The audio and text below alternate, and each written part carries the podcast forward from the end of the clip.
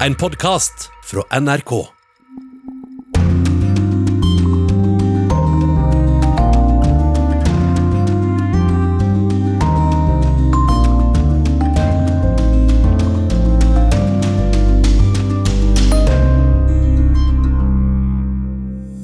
Think about how full I am with emotion, not just for George Floyd, but the many African Americans that have suffered the same fate as George Floyd. Jeg tenker på alle amerikanere som har lidd samme skjebne som George Floyd, sier denne amerikanske generalen. Nesten to uker etter at Floyd døde etter en politiarrest, fortsetter demonstrasjonene. I denne sendingen skal vi også høre at pga. koronaviruset er det flere enn 100 000 sjøfolk som venter på å få komme til land. De protesterer mot at kontrakten for lengst er gått ut. Passasjerene har fått dra hjem, men ingen kan si når de ansatte får komme i land. Vi skal til Hviterussland, der 'stopp kakerlakken' er det nye slagordet. Og i podkasten Krig og fred møter vi norsk-amerikanske Rachel, som bor i Minneapolis. For mine medborgere som er svarte og brune, and other people of color, så de stoler ikke på politiet, for det har vært så mange tilfeller med vold og brutality. Velkommen til Urix på lørdag, jeg heter Marit Kolberg. I elleve dager har frustrerte og sinte amerikanere demonstrert og protestert over hele landet. Demonstrasjoner som har spredd seg ikke bare til Norge, men til Sydney og Hamburg f.eks., og andre byer verden over. For volden og historiene om hvordan det er å leve i frykt for å bli stanset av politiet, opprører. For ikke minst er det svarte unge menn som er utsatt. Every single day I feel I feel like I'm being targeted. I gotta watch my back when I go out outside public. I got hit with a rubber bullet four times. I mean, it sucks, but it's nothing compared to like what a lot of black Americans have had to deal with in this country. This is another virus. Racial injustice is another virus that we all have to fight. Because I never thought I'd go to a protest and get fired on by my own government. So that's uh, that's pretty weird. Ja, det var eh, Tove Bjørgaas som hadde møtt disse demonstrantene utenfor Det hvite hus. Og vi skal høre Charles Q, Q. Brown jr., som er general og sjef for de amerikanske flystyrkene i Stillehavet. I en svært personlig appell forteller generalen om hvordan det er å være svart i USA, og hvordan det som nå skjer, skremmer ham. As the commander of Pacific Air Forces, a senior leader in our Air Force, Charles Q. Brown jr. ser rett inn i kameralinsen. Han har et alvorlig uttrykk i ansiktet, de fire stjernene på uniformen viser at dette ikke er hvem som helst. Brown er general, sjef for en stor militærstyrke, han har makt, og er en av få svarte som har kommet seg til topps i det amerikanske forsvaret. think about how full I am with emotion, not just for George Floyd, but the many African Americans that have suffered the same fate as George Floyd. Du lurer kanskje hva jeg tenker på, sier Brown. Jeg tenker på de mange afroamerikanerne som møtte den samme skjebnen som George Floyd. Brown snakker fort og bestemt, med militær presisjon, men han virker preget. Han forteller at han har sverget en ed til flagget og viet livet til å forsvare de rettighetene som står skrevet i den amerikanske grunnloven. I'm thinking about my sister and I being the only African Americans in our entire elementary school and trying fit in. Jeg tenker på søsteren min og meg selv, forteller Brown. Vi var de eneste svarte på grunnskolen, og vi forsøkte å passe inn der. Intervjuet er gjort ved en flybase på Hawaii. Charles Q. Brown er general i det amerikanske flyvåpenet. Han kommer fra San Antonio i Texas, men har tjenestegjort ved amerikanske baser over hele verden. Nå er han sjef for de amerikanske flyavdelingene i PACOM, eller Pacific Command, USAs militærstyrke i Stillehavet. I'm thinking about my Air Force career, where I was often the only African American in my squadron, or as a senior officer, the only African American in the room. Jeg tenker på min karriere i flyvåpenet, sier Brown, og forteller at selv om han hadde samme uniform som de andre kampflygerne, så ble han spurt om også han virkelig var pilot. I'm thinking about being a captain at the O Club with my squadron and being told by other African Americans that I wasn't black enough Han opplevde også å få kritikk for ikke å være såkalt svart nok, av andre svarte, og han følte at det ble forventet mindre av ham fordi han hadde afroamerikansk opprinnelse. Drapet på George Floyd har fått generalen til å tenke hvordan mange svarte lever i to forskjellige verdener. I'm thinking about our two sons. Now we had to prepare them to live in two worlds. Det er noe han også må lære sine sønner å håndtere. I'm thinking about how my nomination provides some hope, but it also comes with a heavy burden. Jeg er den første svarte amerikaneren som har et slikt militært verv, forteller Brown. Han kjenner på ansvaret og den tunge historien. Og så til slutt, i intervjuet, så kommer det litt håp. That's what I'm thinking about. I know what you're thinking about. I want to hear what you're thinking about and how together we can make a difference. Hvordan kan vi sammen gjøre en forskjell? Reporter her var Eirik Veum. Som eh, vi hørte, denne rasismen er noe man eh, opplever og som ikke er noe nytt fenomen. Vi skal ta et langt blikk bakover nå på de svartes historie i landet. Og til å gjøre det, så fikk jeg med meg tidligere kollega og USA-kjenner og tidligere korrespondent Joar Hoel Larsen. Jeg la opp til en liten lydquiz på denne reisen bakover i historien, og spurte om han ville være med på den. Jeg har jo ikke noe valg når jeg først sitter her. Da prøver vi, og så starter vi med å høre på dette. Nobody knows the trouble I've seen. Nobody knows but Jesus. Det er kanskje åpenbart hvor vi skal hen. Vi skal i hvert fall til sørstatene og til uh, slaver og negro spirituals. Vi skal det. Og det jeg lurer litt på, er hvordan kan det gå når en hel befolkningsgruppe i et land har et slikt eh, utgangspunkt som det de svarte i USA har? Ja, da kan jeg nesten si at det har gått overraskende bra. Eh, dette var jo ikke mennesker, det var ikke en befolkningsgruppe. Dette var arbeidskraft. Slaveeierne investerte i noen som kunne gjøre jobben for dem, slik at de kunne tjene mer penger på plantasjene sine, bomull, tobakk, slik at de slavene som da ble brakt fra Afrika, de var ikke kommet til USA for å være mennesker, for å tenke, for å ha meninger, for å bidra til å bygge landet. De var der som redskaper for eh, økonomisk vekst i sørstatene. Og hva vil du si sitter igjen eh, etter alle disse årene? Det har jo tross alt gått noen århundre. Hva sitter igjen etter slavetiden? Det er jo veldig lett å vise til det vi har sett denne uka.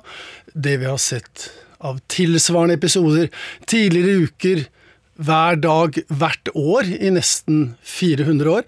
Det er ufattelig mange, det må vi si, svarte i USA som har klart seg veldig bra, som har flotte jobber og som lever det vi da kan velge å kalle normale liv, men de også sier jo hele tiden at de bærer med seg denne arven.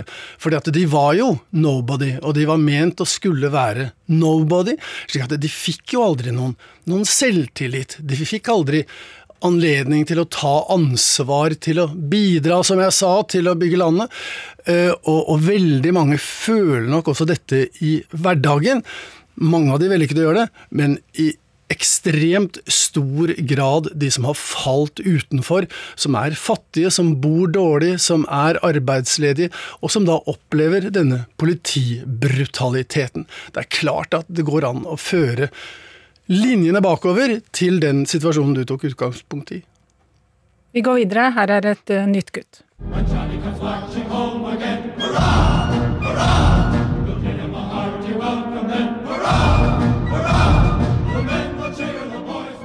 Skal ikke spørre om du kan navnet på den, men du hørte det kanskje? Uh, var det Yankee Doodle Dandy? When Johnny come mar comes marching home. When Johnny comes marching home. Og det er jo da helt naturlig fra borgerkrigen mellom nordstatene og sørstatene, hvor da denne økonomien som krevde slavearbeidere, var det som utløste det som nesten førte til at unionen ble oppløst. Og så ble de svarte fri etter borgerkrigen etter hvert, så ble jo slaveriet forbudt. Hvilke muligheter hadde de til å skape seg et godt liv da? Ja, altså, Objektivt sett så hadde jo alle muligheter, men altså, de, de hadde jo da et vanvittig mye dårligere utgangspunkt. Altså, De fleste kunne jo ikke lese, de kunne jo ikke skrive. Eh, veldig mange dro jo etter hvert nordover og bosatte seg i industribyer nordpå, men hvor de også ble et filleproletariat, hvor de levde på bunnen av samfunnet der. Og det viste seg at de fikk jo da likt tilbud i den forstand at de fikk anledning til å gå på skolen, men, eh, men, svarte barn måtte gå på en skole langt unna. Eh, klasserommene var dårligere, lærerne var ikke utdannet, eh, de hadde ikke lærebøker, slik at de var adskilt, men de var slett ikke likt behandlet. Og som du sa, selv om de var fri, så hadde de ikke samme rettigheter, og de fortsatte å kjempe for sine rettigheter. Her kommer en som jeg er ganske sikker på at du kjenner igjen. I have a dream that one day This nation will rise up and live out the true meaning of its creed. We hold these truths to be self-evident that all men are created equal. Han har du hørt før. Han har hørt før. Uh, dette er jo Martin Luther King fra denne store I Have a Dream-talen han holdt i Washington DC i 1963. Hadde jo en enorm innflytelse, ikke minst på da de svartes selvtillit. De hadde ikke rare greiene fra før av, men de vokste med Martin Luther King. Men så gikk det som det jo påfallende ofte har gått i USA. Han ble skutt og drept fem år senere, noe som da utløste helt enorme eh, protester og, og gatekamper i dagevis i 100 amerikanske byer. Og nettopp eh, disse protestene er det jo mange som har eh, trukket fram igjen i disse dager og sammenlignet eh, med det som skjer nå. Hvor sammenlignbare er de? Det er klart de er sammenlignbare, men vi må jo se litt på hvem som ble drept den gangen. Altså det, var en, det, var en, det var USAs kanskje verdens mest kjente afroamerikaner som alle lyttet til. Og da han var borte, så var også visjonen borte, veien videre forsvant, håpet ble slukket. Da var det frustrasjon og raseri som tok over. Det har skjedd eh, mye siden eh, den gang. Eh, her kommer et nytt kutt. Jeg er litt spent på om du vet hvem dette er. We must come together. This cannot go on. All of it. Any of it. It just can't go on. All of the hatred. Trying to divide us as a united people of the United States of America. Tar ikke den umiddelbart. Du er nok vant eh, til å høre ham synge, tenker jeg. Dette var Stevie Wonder. Han holdt uh, tale da det afrikansk-amerikanske museet åpnet i 2016. Dette museet som ligger på The Museum Mile i Washington DC. Da kom han med disse ordene. Den gangen også snakket han jo om da et delt land, og at hatet må ta slutt. Um, dette museet, Joar, jeg tenker, Det åpnet i 2016, ikke helt uten kontroverser. Eh, hva sier det deg at det kom etter et luftfartsmuseum, etter et nasjonalmuseum, eh, The Native Americans, urinnvånerne i USA, hadde fått sitt eget museum. Hvorfor tok det så lang tid før man fant plass til et museum for de svarte, tror du? Altså, for det første fordi at med Martin Luther King, som jeg sa, så var det et vakuum. Det var et ledelsesproblem, det var et, en retningsorientering som de ikke ble helt enige om. Slik at disse andre gruppene, altså luftfartsinteressene og den slags, hadde jo sterkere lobbyister, det var økonomiske interesser. Og så var det et, et, snev av hverdagsrasisme, for det var noen da i Smithsonian som mente at det kunne ikke være nødvendig å ha etniske museer på The Mall. Så det at man skulle ha særinteressemuseer, det, det hadde man ikke noe tro på. Og for å si det, det er plass til den vonde historien på dette museet vi snakker om, men det er også plass til ganske så mye annet der. Eh, steppeskoene til Sammy Davis jr. for eksempel står der. Nobel- eller litteraturprisvinner Tony Morrison. Og nettopp det at de viser jo De svarte har jo tatt en veldig stor plass i det amerikanske kulturlivet. Eh, hvis vi skal se på sånn som det er nå akkurat i dag, da, hvor stor plass vil du si at de tar i samfunnslivet? De tar større plass enn det man kan få inntrykk av på TV. Det er fremdeles veldig mange hvite menn som dominerer på det øverste nivå, men altså det er så mange svarte nå som kan mye, som vet mye, som har gode jobber, og som blir tatt på alvor, og som vi vet som får jo priser og professorater left, right and center, som det heter. Slik at eh, de har kommet veldig, veldig langt, men det er fremdeles en lang vei å gå. Ja, det sa vår tidligere USA-korrespondent Joar Hoel Larsen. Det blir mer om eh, bråk i USA i podkasten som kommer senere i sendingen, men før vi forlater landet så tar vi med at eh, tidligere visepresident Joe Biden nå er formelt demokratenes presidentkandidat foran valget i USA i november. Ifølge CBS News så har Biden nå mer enn de 1991 eh, delegatene han trenger for å bli utpekt på partiets landsmøte.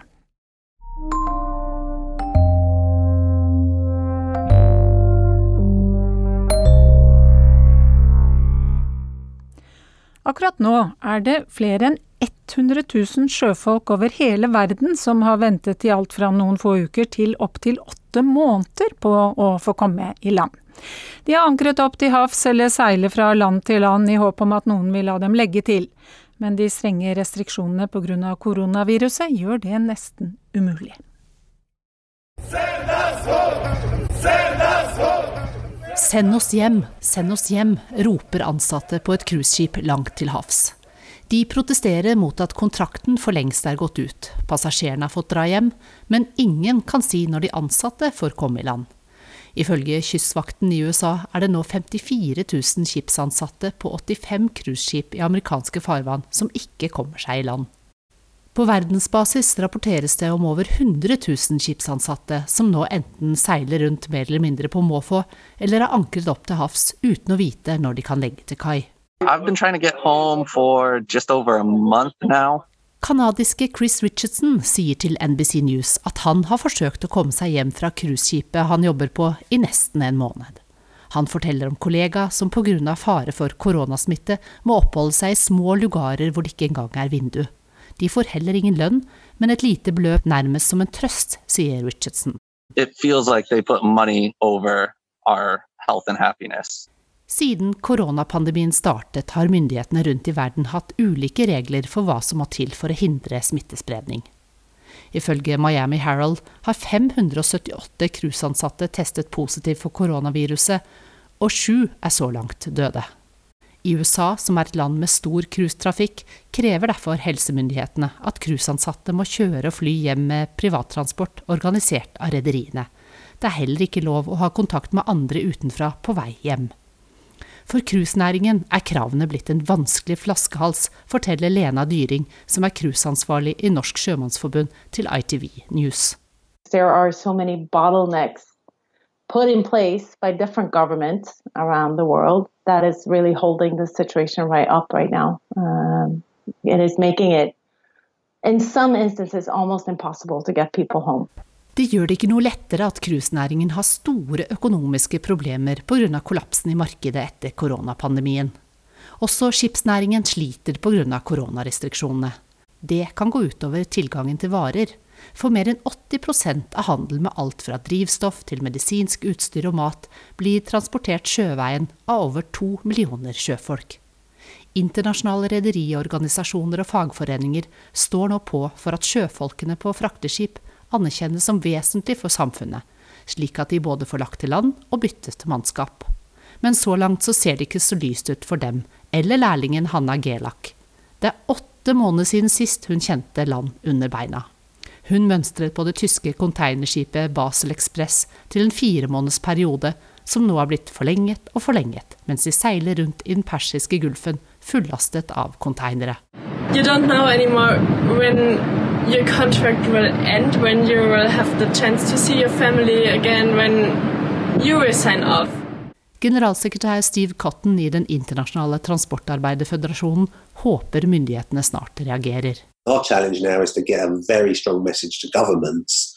You can't expect people to move PPE, uh, drugs, and all the issues that we need to respond to COVID and keep cities and countries that are in lockdown fed if you don't move the cargo on ships. So the reality is they've got to recognise the sacrifice seafarers are making for our global society, but it's critical that they um, that they loosen up their, their regulations. Imens kan Hanna bare drømme om livet på land. Sa reporter Anja Strønen. Stopp kakerlakken er det nye slagordet til den politiske opposisjonen i Hviterussland.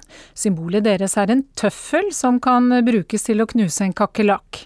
Og de bruker den for å mobilisere folk i valgkampen mot president Aleksandr Lukasjenko fram til presidentvalget i august.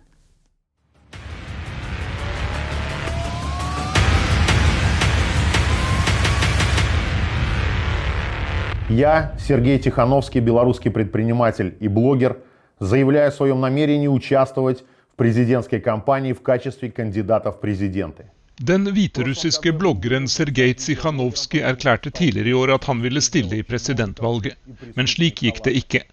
Myndighetene ville ikke godkjenne han som presidentkandidat, og for noen dager siden ble han arrestert. Det var Tsikhanovskij som lanserte slagordet 'Stopp kakerlakken', som henspiller på et eventyr med en kakerlakkfigur. Bloggeren kjørte rundt med en tøffel på biltaket. Den skulle brukes til å bli kvitt skadedyret. Стоп, таракан! Ваня, давай в рупор сразу. Стоп, таракан!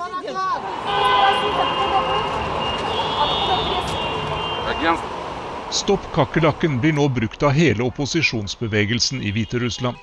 Også i hovedstaden Minsk, der folk står i kø i timevis for å sette navnet sitt på opposisjonskandidatenes lister. En presidentkandidat må ha minst 100 000 underskrifter for å kunne stille. Время перемен, время что-то делать. Да, вот мне 25 лет, да, президент действующий 26 лет у власти. Я не видел ничего другого. И... Det er tid for forandringer, tid for å gjøre noe, sier denne mannen som står i kø i hovedstaden. Han påpeker at han er 25 år gammel, og at den nåværende presidenten har sittet med makten i 26 år. Han har ikke sett noen annen president enn Lukasjenko, og er lei av det. Я готов поставить свои подписи за большинство кандидатов, кроме одного, который мне не симпатизирует. Я бы хотел, чтобы эта Jeg vil sette signaturen min på listene til alle kandidatene, bortsett fra den ene jeg ikke liker, sier en annen mann. Han mener at et stort antall mennesker er misfornøyde med det som skjer i landet, og at de er klare til å gå ut på gatene og vise myndighetene at det er på tide med forandring. Aleksandr Lukasjenko har vært Hviterusslands president siden 1994, da han ble valgt på løfter om å bekjempe korrupsjonen i landet. Siden har han styrt med jernhånd, og i Vesten har han blitt kalt Europas siste diktator. Han fikk fjernet begrensningene på antallet presidentperioder en person kan sitte, og han slo hardt ned på den politiske opposisjonen. Lukasjenko har ikke tenkt å gi makten til sine motstandere. Vi kjenner godt til det enkelte av disse bråkmakerne vil. De vil organisere opprør etter ukrainsk modell før presidentvalget eller på selve dagen. Det er planen, sa presidenten nylig. Han advarte alle om at noe slikt opprør vil det ikke bli i Hviterussland. Vi tillater aldri destabilisering av situasjonen i landet vårt, understreket presidenten. I løpet av hans tid som landets leder har det flere ganger vært protester og demonstrasjoner, men denne gangen står Lukasjenko muligens overfor en større utfordring политика возвращается в Беларусь. Робко пока, не смело, с белорусской спецификой, потому что все было придавлено. Politikken har kommet tilbake til Hviterussland etter å ha vært undertrykket lenge, sier den politiske kommentatoren Aleksandr Klaskovskij til nyhetsbyrået AP. Han er overrasket over at Stopp kakerlakk-kampanjen har fått pågå så lenge. Men Klaskovskij understreker at presidenten når som helst kan knuse den politiske opposisjonen, og at det er liten grunn til å regne med et regimeskifte i Hviterussland. Det var eh, korrespondent Jan Espen Kruse som hadde laget denne saken. Skal vi høre at eh, koronapandemien får folk til å finne nye løsninger. For eh, både i Sør-Korea og i Nederland så har man begynt å bruke roboter for å servere i barer og restauranter. Dette gjør de for å unngå mest mulig menneskelig kontakt, og for å redusere faren for smitte. 얼음이 동그랗게 바뀌는 모습을 잘 지켜봐 주세요. En robot kledd i en skreddersydd vest og tversoversløyfe gjør klar en drink. 시작할게요. Cabo er navnet på den nye bartenderen som skal sørge for bedre smitteverntiltak på en bar i den sørkoreanske hovedstaden Seoul. Han former en rund isklump som legges i et glass med whisky.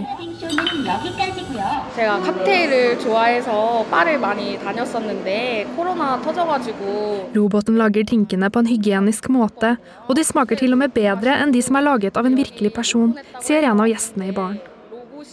I flere land er det nå blitt tatt i bruk roboter for å servere under koronakrisen. 사람이 만든 음식이나 이제 음료 같은 게 좀 더 걱정이신 분들이 많은데 Mange er bekymret for mat og drikke som er laget av mennesker, sier Kim Tae-wan, eieren av kafé Bot Bot Bot. Han sier at robotene hjelper kundene til å slappe av. Hi, here is your order. Please take it away from the tray. I will go back automatically in 20 seconds. Thank you. Også i Nederland er det tatt i bruk roboter for å servere. På en restaurant i byen Maastricht er det tre roboter som sørger for at kundene får mat. like I don't know in a movie like I don't know like uh, Matrix Robotene har fått navnene Amy, Aker og James, og kjører frem og tilbake i restauranten med et brett som kundene kan forsyne seg av. Uh, nee, ons team is eigenlijk hartstikke blij met de robots. Ze hebben eigenlijk ieder een, eh, een eigen secretaresse die, eh, die helpt met de werkzaamheden. Waardoor ze ook echt meer met de gasten in contact kunnen komen. Teamet vårt er veldig glad for robotene. Nå slipper vi å gå fra kjøkkenet, sier Paul Seiben, eier av restauranten. Selv om mange er fornøyde med de nye ansatte, er det likevel noen som savner menneskelig kontakt. I like it that we're able to go to restaurants now, um, but I think that getting food from a robot seems a bit strange. I prefer humans. Tilbake på baren i Sør-Korea er gjestene glade for å kunne nyte en drink igjen. 어, 제가 칵테일을 여러 번 먹어봤는데 아무래도 사람이 만드는 건 좀 정확도가 떨어지거나 맛이 좀 달라질 수 있는데 Det beste med robotene er at de ikke gjør noe feil. De bruker nøyaktige målinger, og drinkene smaker alltid det samme, sier studenten Kim Min-yong før hun skåler med en venninne. Det var reporter Mariann Strand som hadde tatt en nærmere kikk på disse mekaniske servitørene.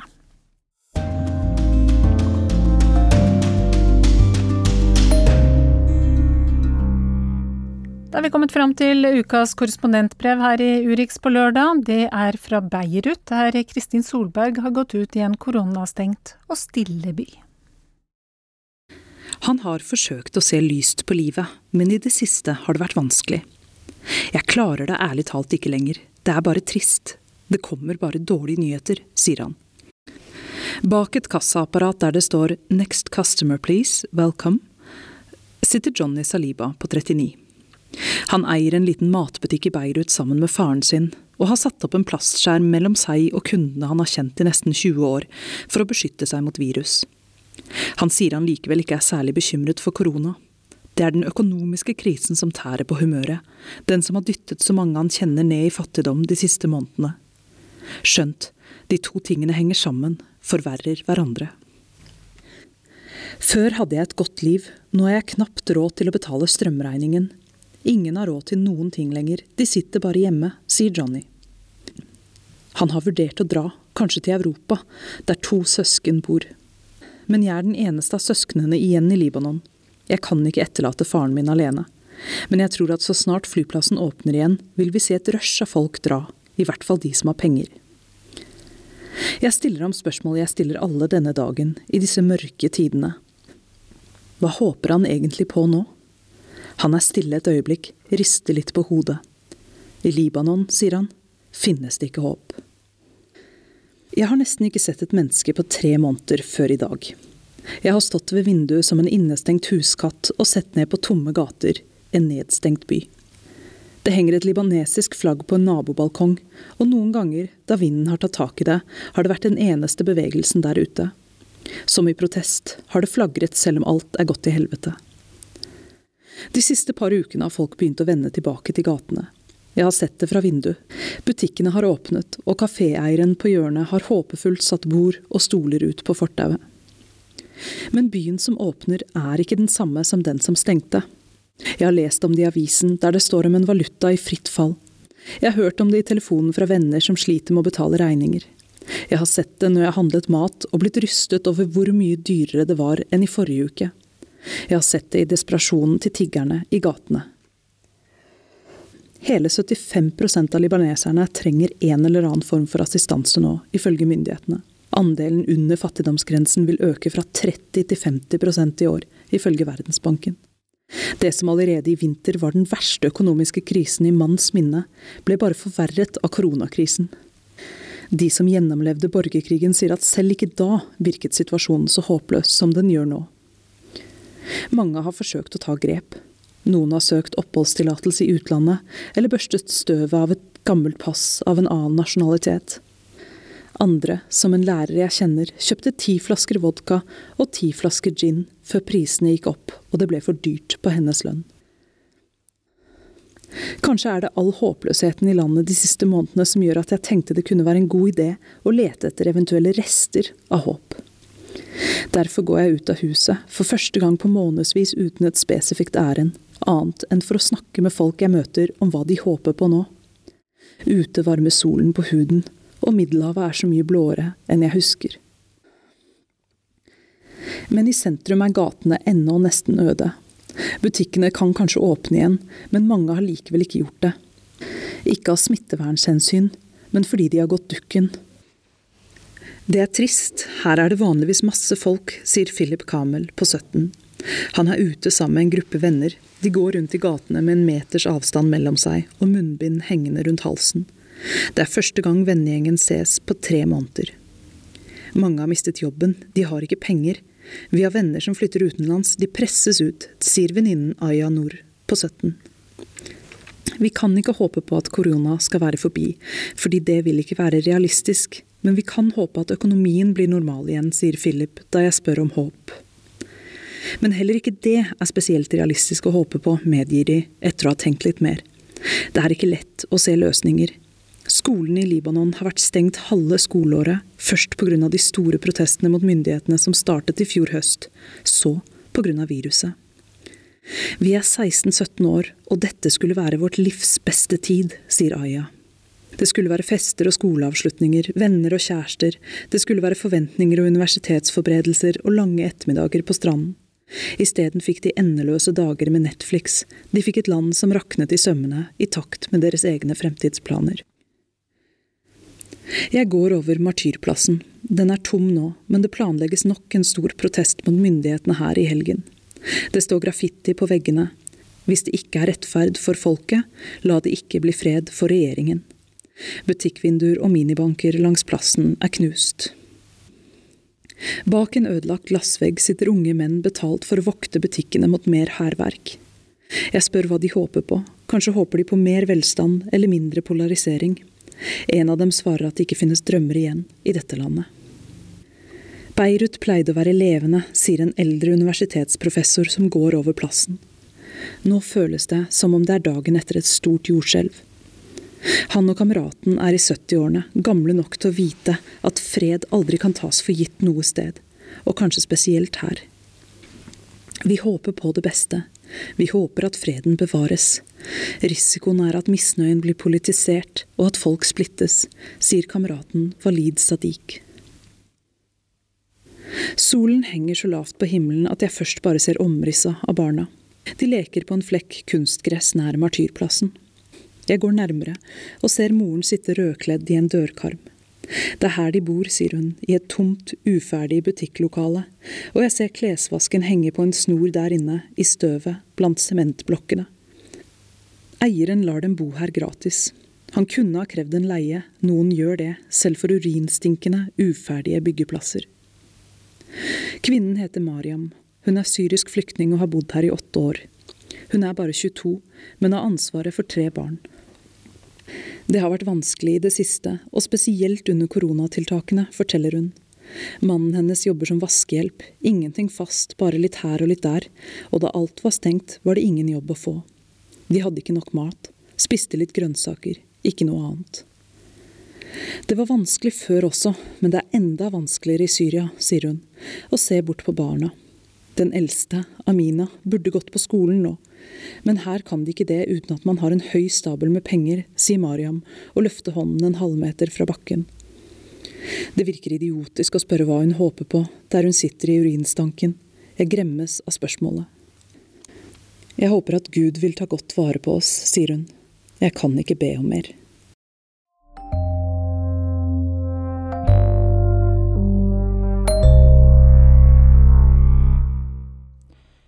Ukas eh, Krig og fred-podkast handler også om det som har skjedd i USA disse siste dagene. Uroen, demonstrasjonene og politivolden.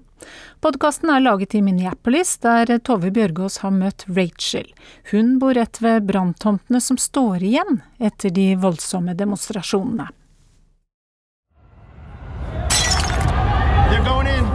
Se for deg at nærbutikken og apoteket ditt blir plyndret og brent ned. At du må holde vakt sammen med naboene natt etter natt. Sånn er det i mange nabolag i USA nå. Hvor lenge kommer amerikanske byer til å koke over på denne måten? Er det 60-tallet all over again? Eller er dette kanskje noe enda verre? People are stuck at home, they're mad, they're bored, they have nowhere else to put their anger except at the government. It's going to be a long summer. Du hører på Krig og fred? Med Tore Moland i Oslo og Tove Bjørgaas i Minneapolis.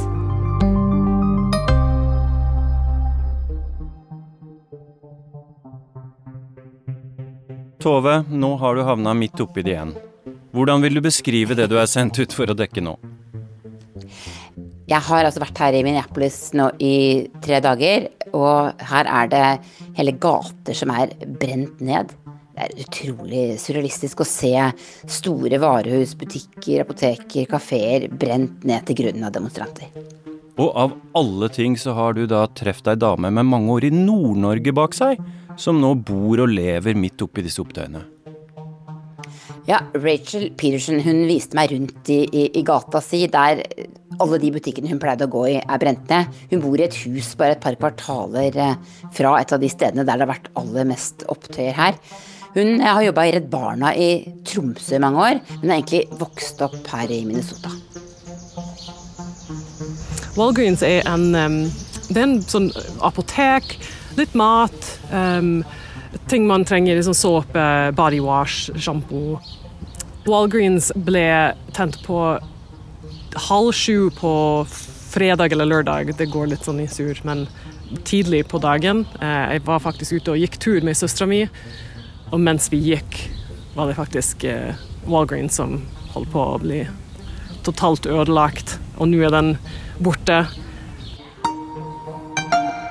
Mitt navn er Rachel Peterson. Jeg har um, bodd i Norge, uh, i Tromsø, fra 2005 til 2013, og altså et, år i Alta. Jeg bor nå i Minneapolis. Født her, vokst opp i Duluth, Minnesota, og jobber med barn og ungdommer. Rachel, uh, fortell hvor vi sitter nå. Nå sitter vi i Bracket Park i South Minneapolis i Minnesota. Um, de fleste som bor her, er hvite folk. Mange barnefamilier. Ja, og det er ikke langt unna The Third Politi Precinct, som brant ned uh, i forrige uke. Og der du bor, så er det bare kanskje to minutter å gå til en gate der det har skjedd veldig mye den siste uka. Fortell om, fortell om det. Hva, hva, hvor er det du, hvordan ser det ut der? Det ser, uh, det ser helt forferdelig ut der. Han, George Floyd ble drept natt til tirsdag, eller mandag kveld egentlig, på Memorial Day. Um, tirsdag var ganske rolig, men, uh, med, med protests, selvfølgelig. Folk var ute og protesterte. Um, og onsdag begynte folk å bli sint og sur, for uh, politifolkene hadde ikke blitt arrestert. Um, og onsdag uh, kveld begynte ting å virkelig bli ille. Ting begynte å brenne. Og jeg tror uh, onsdag kveld, torsdag kveld var noen av de Hva skal man si, egentlig? Um, mest skremmende periode i mitt liv kan jeg si. Veldig mye usikkerhet. Da det ble mørkt, sånn ni-halv ti-tida, så begynte vi å se røyk. Og øh, faktisk um, tåregass kom helt til der jeg bor, en halv kilometer unna. Uh, og da begynte vi også å, si, å, å, se litt flammer, eller i hvert fall masse røyk. Uten at vi visste helt hva som skjedde. Og den første kvelden så var det noen um, forretninger i, i, langs Lake Street som, som ble borte først. Eh, og dagen etter var det politistasjonen som brant ned, så neste, neste kvelden um, Vet du hvem som gjorde det? Nei, Nei, og det er det som er greia. Det er veldig mye sånn usikkerhet, og folk liker å snakke om det og prøver å gjette hvem det er, men det syns jeg egentlig ikke er så viktig akkurat nå. Um, så jeg prøver ikke å, å gjette hvem det kunne ha vært. Uh, vi vet at det er hvite folk som kommer hit fra andre steder. Vi vet ikke helt hvor mange og hvor nøyaktig de kommer fra.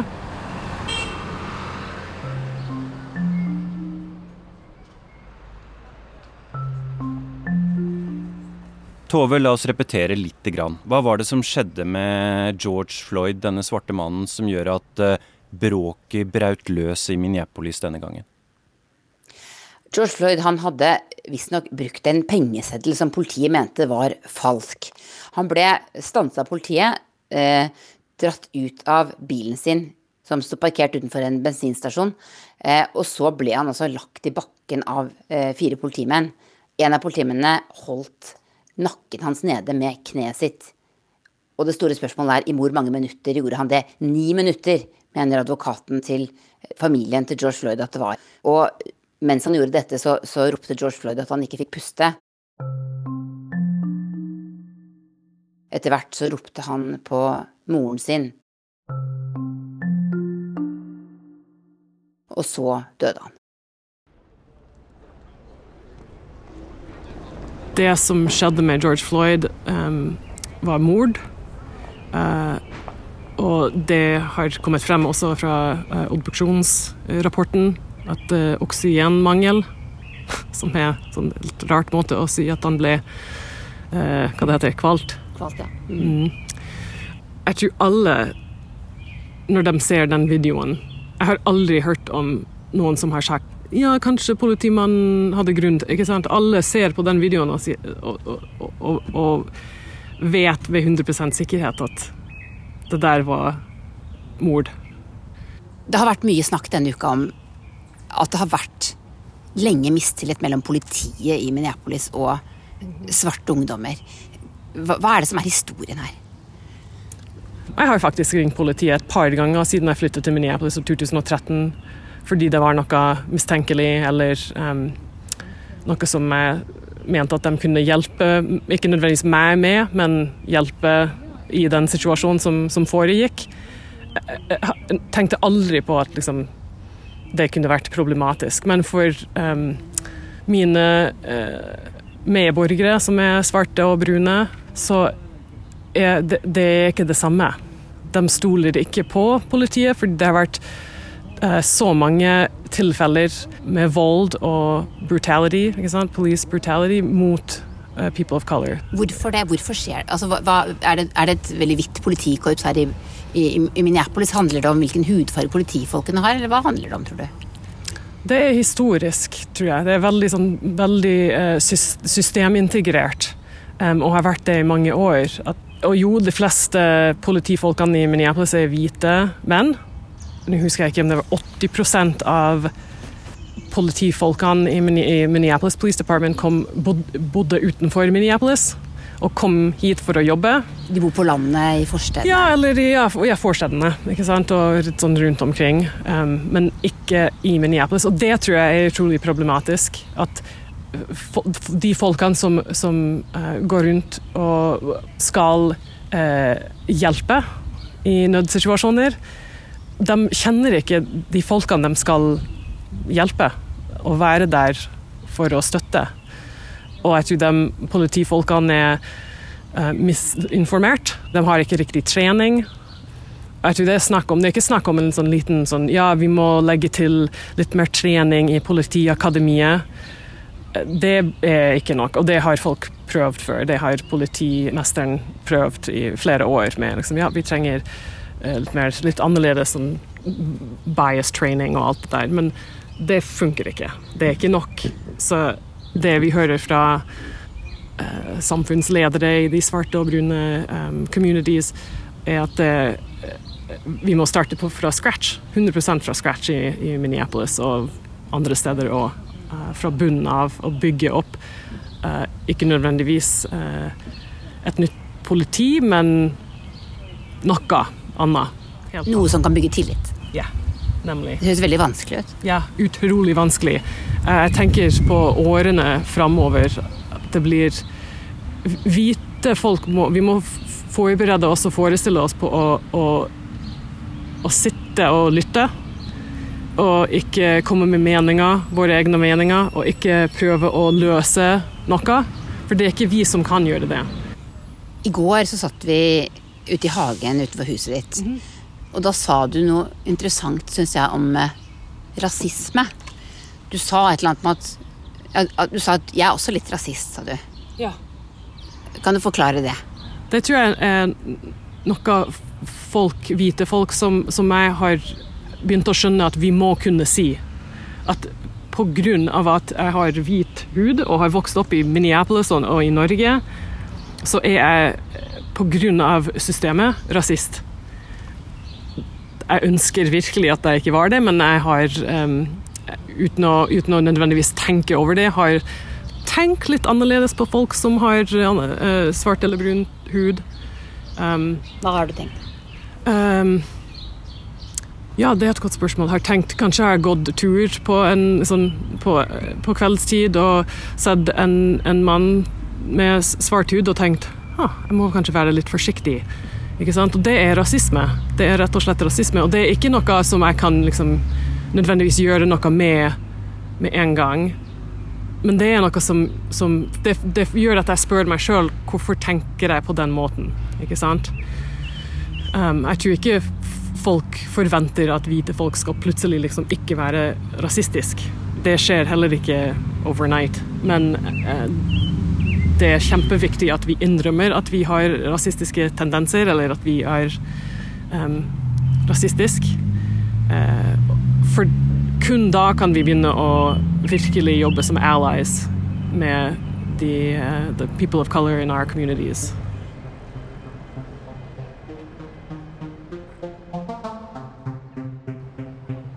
Some of the worst trouble of the day occurred in Washington, D.C., the very heart of the nation. Tove, hva slags historie har disse opptøyene egentlig? Det snakkes ofte om somre på 60-tallet her. Hva var det som skjedde da? Er det noe lignende som skjer nå?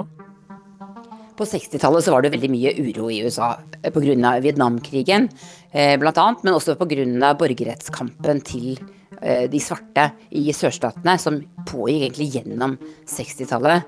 Eh, og i 1968 så ble Martin Luther King drept. Martin Luther King Jr. was killed tonight in Memphis, Tennessee.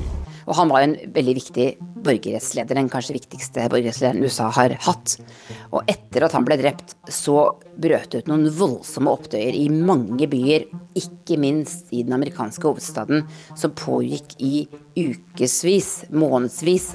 In some Negro ghettos, there was looting, arson, and bloodshed during the night. Tonight, the White House and the Capitol are surrounded by federal troops. Hva slags sommer tror du det blir i USA i år, Tove? Huh. akkurat nå så snakket jeg akkurat med Lars, fotografen uh, vår i går, at nå må vi bare ta én dag om gangen. Jeg tror det er det eneste vi kan gjøre akkurat nå. Hvilken smak har du? Oreo, som egentlig, er, som egentlig er softis. Og så har de pælma oppi en haug med små sånne Oreo-kaker, og så miksa de ihop bare. Jeg heter Lars Os og er videojournalist i USA. Du kom hit på fredag. Ja. Hvordan var det da? Da var situasjonen ganske spent, for at eh, kvelden før så hadde, så hadde da politihuset blitt brent ned. Klokka åtte var det da eh, venta at folk skulle dra hjem igjen, for da var det portforbud. Men det var nesten ingen som eh, stakk hjem igjen da jeg kom ned dit. Og så kvart over åtte, da var vi midt i stor gate som går gjennom eh, sørlig del i Minneapolis. Og så begynner tåregassen å komme, og folk begynner å bli sint. Folk kaster sten, og så kommer det et par eh, gummikuler forbi, og nølen blir truffet. Eh, folk begynner å hoste, de får trekke inn tåregassen. Du har en gummikule på hotellrommet ditt? Ja, den, den, den holdt nesten på å traffe meg. Den susa forbi meg. Så en sånn hører en sånn De kommer ikke så fort, og de er såpass store at du, hvis du faktisk ser i retninga de blir skutt ifra, så ser du den kommer, men du har ikke sjans å dekke unna. Du bare I et øyeblikk så bare skjønner du Å, oh, shit.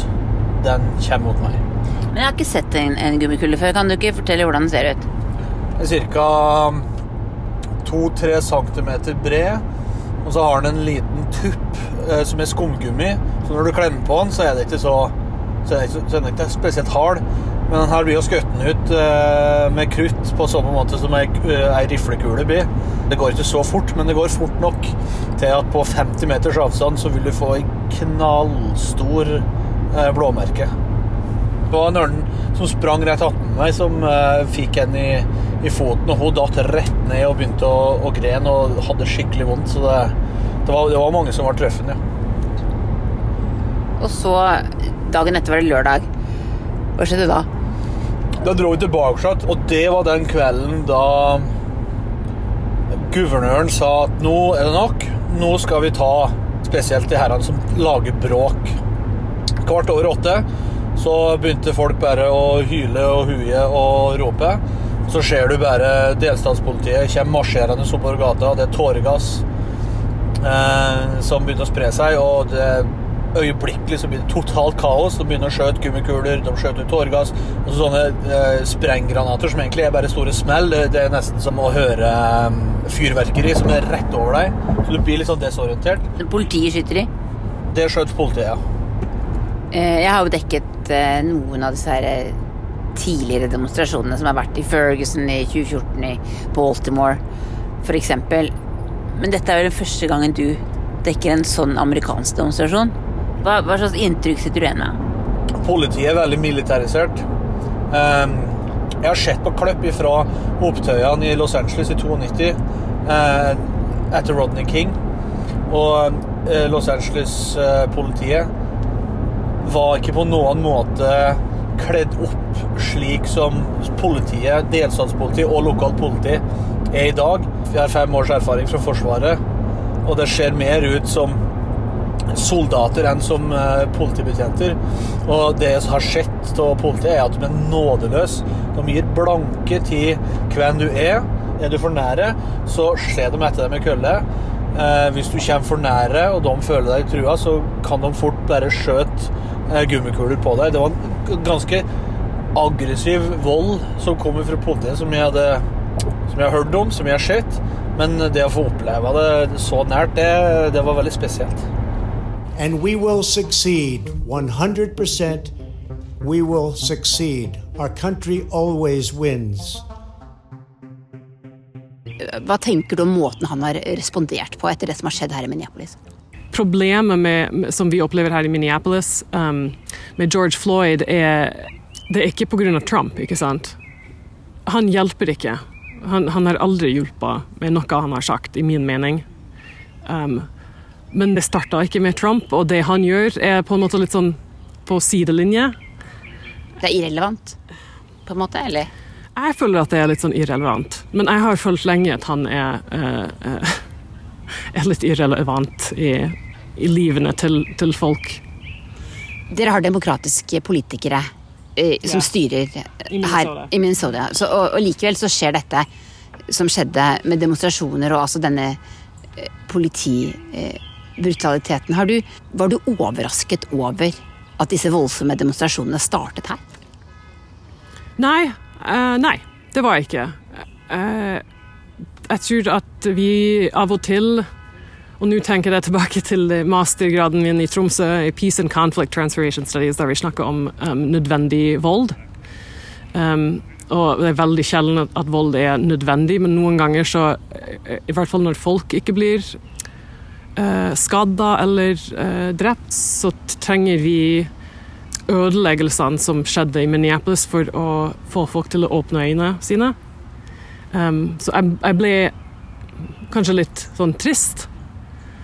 Men det er, det er bare snakk om bygninger som kan bygges opp på nytt. Sier du at det var nødvendig? Ja, faktisk. Kanskje det.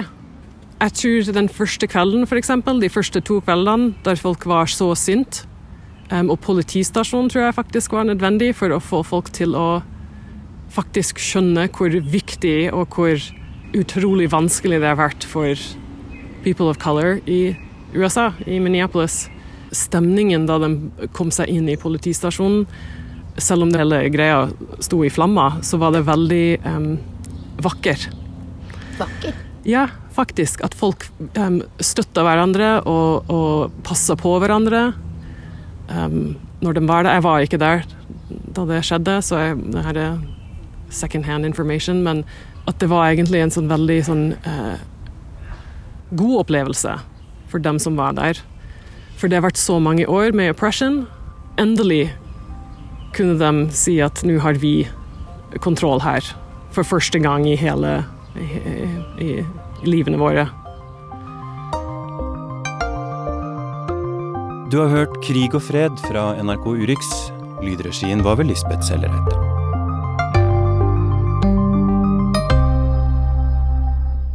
Ja, og Flere podkaster fra Krig og fred kan du finne på NRK Radio sine sider, eller der du pleier å finne podkastene dine. Teknisk ansvarlig for denne sendingen var også Lisbeth Sellreite, produsent Nicole Myhrer. Her i studio, Marit Kolberg.